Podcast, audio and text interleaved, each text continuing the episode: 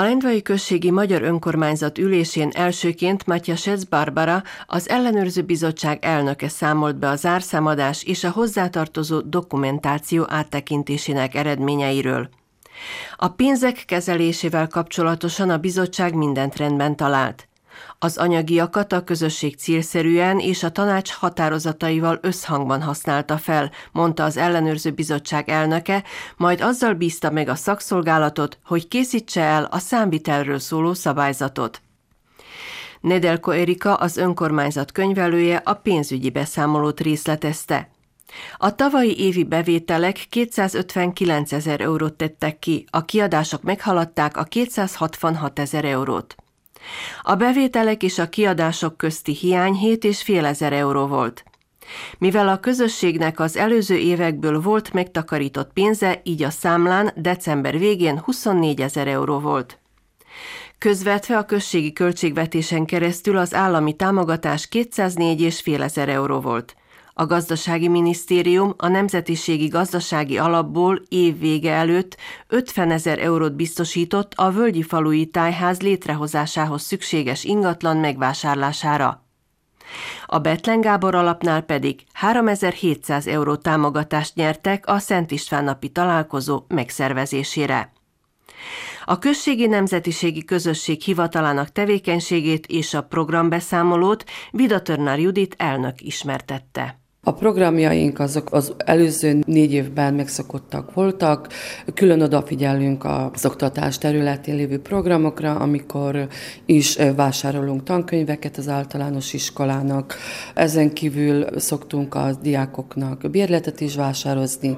Van olyan része is, amikor az ifjúság támogatásával próbálkozunk, és már második éve sikeresen kiviteleztük a Maradjiton elnevezési táborunkat. Ezen kívül a kulturális részében az önkormányzat megszokott rendezvényein kívül támogatási lehetőséget biztosítunk a civil szervezeteknek, valamint a társalapított intézményeink a magyar jellegű kulturális programjaikra meghívásos pályázaton vesznek részt. A költségvetés természetesen tartalmazza azt a részt is, ami az alkalmazottakkal kapcsolatos. Az önkormányzatnak három alkalmazottja van, és annak a munkabére is benne van. A zárszámadást az ülésen jelenlévő tíz tanácstag vita nélkül egyhangulag fogadta el. Napirenden szerepelt a Lendvai Magyar Önkormányzat által alapított Euromur Kft. zárszámadása is. Magyar Dániel igazgató hangsúlyozta, hogy tavaly száz gazdasági téma megoldásában segítkeztek, elsősorban szlovén-magyar gazdasági kapcsolatok esetében. Nagy sikere volt a hagyományőrző programoknak is, amelyek fejlesztését jónak látják. A társaság tavaly 13,5 ezer euróval gazdálkodott. A kiadások összege 4,5 ezer eurót tesz ki. Év végén a számlán 9 ezer eurót könyveltek el. A tanácstagok az Euromur zárszámadását ugyancsak egyhangulag fogadták el. Vida Törnár Judit elnök és az Euromur bizottság tagja a társaság tevékenységét a következőképpen értékelte. Az Euromor Kft.